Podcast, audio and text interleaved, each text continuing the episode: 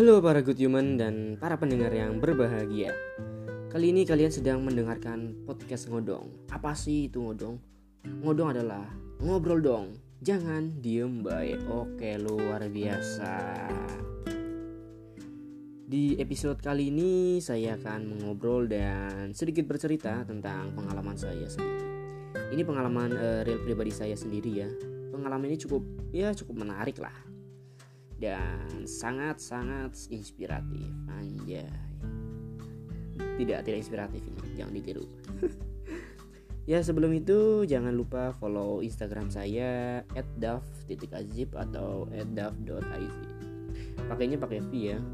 Jangan pakai f pakainya v dav gitu. oke selamat mendengarkan. Enjoy. Namaku Dava Waktu kecil aku adalah keluarga perantau. Ibu dan ayahku berasal dari jauh. Kita merantau di daerah eh, Tangerang. Menjadi perantau bukanlah hal yang mudah. Kita hidup berdampingan dengan banyak orang. Orang yang dari daerah lain juga. Seperti halnya tetanggaku sendiri. Tetanggaku ini berasal dari Karawang. Karawang itu Jawa Barat ya keluarga mereka dengan uh, keluargaku memiliki hubungan yang cukup baik. Aku tinggal dengan menyewa rumah atau sering disebut dengan uh, kontrak rumah ya. Aku tinggal di pemukiman yang padat penduduk dan dikelilingi oleh pabrik-pabrik. Jadi aku itu tinggal di daerah kawasan industri seperti itu. Tidak asing bagiku untuk mandi dan minum dengan air yang seadanya, bahkan kumuh. Ayahku pun bekerja di salah satu pabrik di dekat rumahku ini. Sudah cukup lama sekali, sekitar hampir eh, 20 tahun. Ayahku bekerja di pabrik itu sementara ibuku merupakan pekerja juga.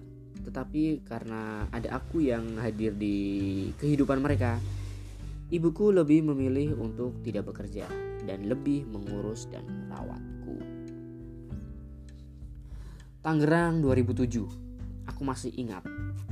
Aku mulai masuk sekolah, yaitu berada di Taman Kanak-kanak atau biasa disebut TK. Aku pun bertemu dengan banyak orang baru di hidupku, yaitu teman-teman TK ku. Dari sekian banyak teman, aku tertarik pada satu teman perempuanku ini bukan hanya satu, bahkan dua teman perempuanku sekaligus. Saya menyebutnya dengan inisial saja ya, karena takut ada yang tidak setuju ya.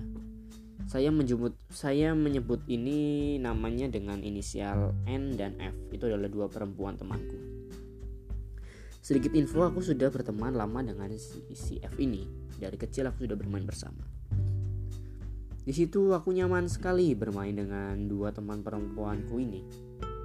Namun di TK aku sendiri, aku orangnya cukup aktif ya. Aktif sekali, bahkan cukup smart atau pintar di TK ini. Pada saat itu ada event atau perlombaan di TK. Aku kebagian untuk menari tari daerah atau tarian budaya Indonesia seperti itulah. Dan bahagianya aku dipasangkan dengan teman perempuanku yang berinisial N ini. Dia pun sepertinya juga senang berpasangan bersamaku.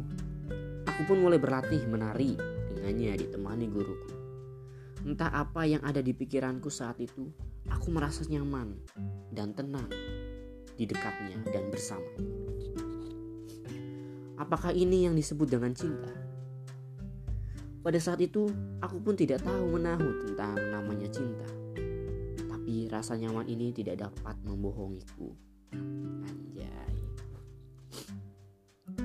Hamin satu sebelum perlombaan, aku dan ibuku pergi ke pasar. Dan tanpa disengaja kita bertemu dengan perempuan yang aku suka itu.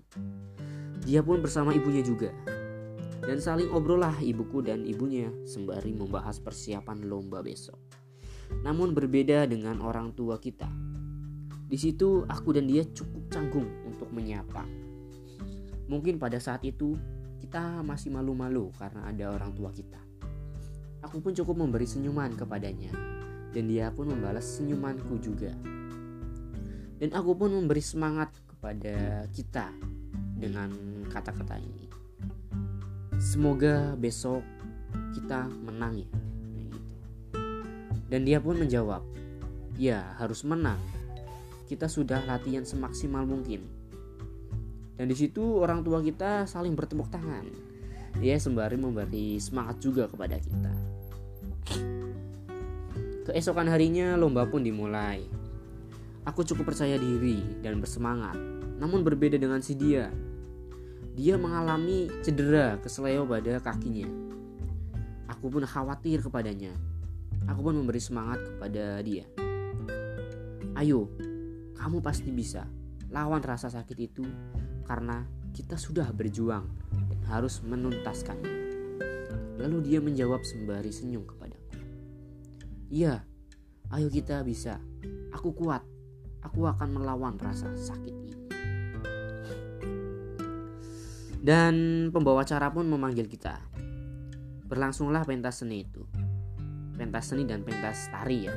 Tapi waktu pas itu aku berlomba di pentas tari.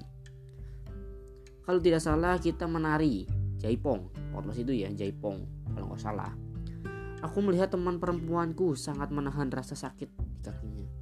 Namun aku sangat takjub kepadanya. Dia mampu tampil maksimal dengan cedera yang dialami. Singkat cerita, kita mendapat juara dua. Walaupun tidak juara satu, kita tetap bangga. Aku pun bangga dengan kerja keras kita. Kita dapat meraih juara dua. Dan di situ juga menjadi perpisahan kita. Kita berpisah karena kita sudah lulus dari TK dan melanjutkannya di sekolah dasar atau yang biasa disebut dengan SD. Di sekolah dasar kita memang satu sekolah, namun berbeda kelas dan tidak lama dari itu dia pindah sekolah. Entah apa alasannya. Dan kita tidak ada saling komunikasi lagi. Dan baru-baru ini aku mendapat e, kabar dari temanku juga yang ada di Tangerang dia sekarang menjadi mahasiswa uh, universitas di Bandung ya uh, aku pun menemukan akun media sosialnya dan saling komunikasi sampai sekarang walau tidak bisa bertemu langsung aku cukup bahagia karena bisa paling tidak video call dan aku pun punya pesan untuk teman kecil perempuanku ini teruslah berjuang dalam mencari ilmu aku tahu kamu mempunyai semangat yang tinggi Ingatlah masa kecil kita. Kamu berjuang menahan rasa sakit. Dan kita pun bisa menjadi juara. Jadi intinya terus semangat, Sukses dan sehat selalu untuk kamu teman kecilku. Oke, mungkin uh, cukup sekian ya ngobrol tentang pengalaman saya kali ini. Uh, jangan lupa dengarkan podcast saya yang lain juga. Sampai jumpa di ngodong selanjutnya. Ngodong, ngobrol dong. Jangan diem. Bye. See you. thank you